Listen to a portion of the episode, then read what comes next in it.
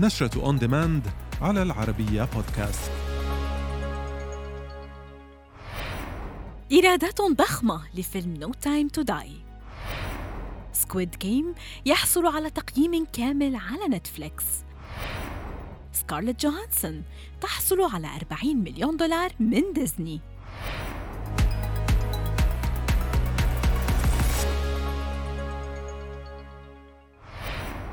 حقق فيلم No Time to Die للنجمين دانيال كريغ ورامي مالك إيرادات ضخمة.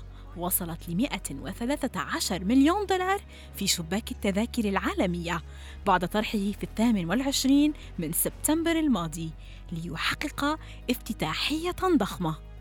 وتدور أحداث الفيلم حول حياة جيمس بوند الذي ترك الخدمة ليتمتع بحياة هادئة في جامايكا. لكن هدوء حياته لا يدوم طويلا حيث يأتي صديقه القديم من وكالة الاستخبارات المركزية لطلب المساعدة.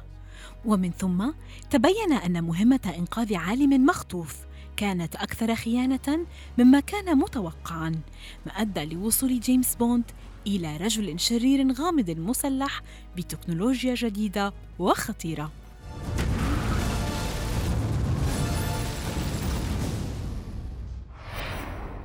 حصل المسلسل الكوري Squid Game الذي عرض في السابع عشر من سبتمبر الماضي عبر منصة نتفليكس على التقييم الكامل عبر المنصة بنسبة 100% من قبل المشاهدين والمتابعين. ليصبح من ضمن المسلسلات القصيرة التي حصلت على ذلك التقييم الكامل. وتدور أحداث المسلسل حول دعوة غامضة للانضمام إلى لعبة يتم إرسالها إلى أشخاص في أمس الحاجة إلى المال.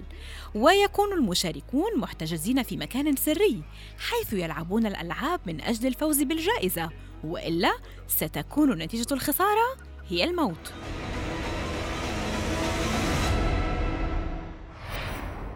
أعلنت شركة ديزني والممثلة الأمريكية سكارلت جوهانسون عن تسوية نزاعهما القانوني المتعلق بفيلمها الأخير Black Widow ووفقا لموقع ديدلاين فإن جوهانسون حصلت على تعويضات بنحو 40 مليون دولار بعد أن طالبت بتعويض 80 مليون دولار. يذكر أن سكارلت جوهانسون رفعت الدعوى القضائية ضد ديزني في يوليو الماضي بسبب قرارها إتاحة فيلم Black Widow على منصتها ديزني بلس بالتزامن مع عرضه في دور السينما معتبرة أن هذا الأمر يشكل مخالفة للعقد كلفتها ملايين الدولارات. أطلقت نتفليكس العرض الترويجي لفيلم The Harder They Fall من بطولة ريجينا كينج وإدريس ألبا.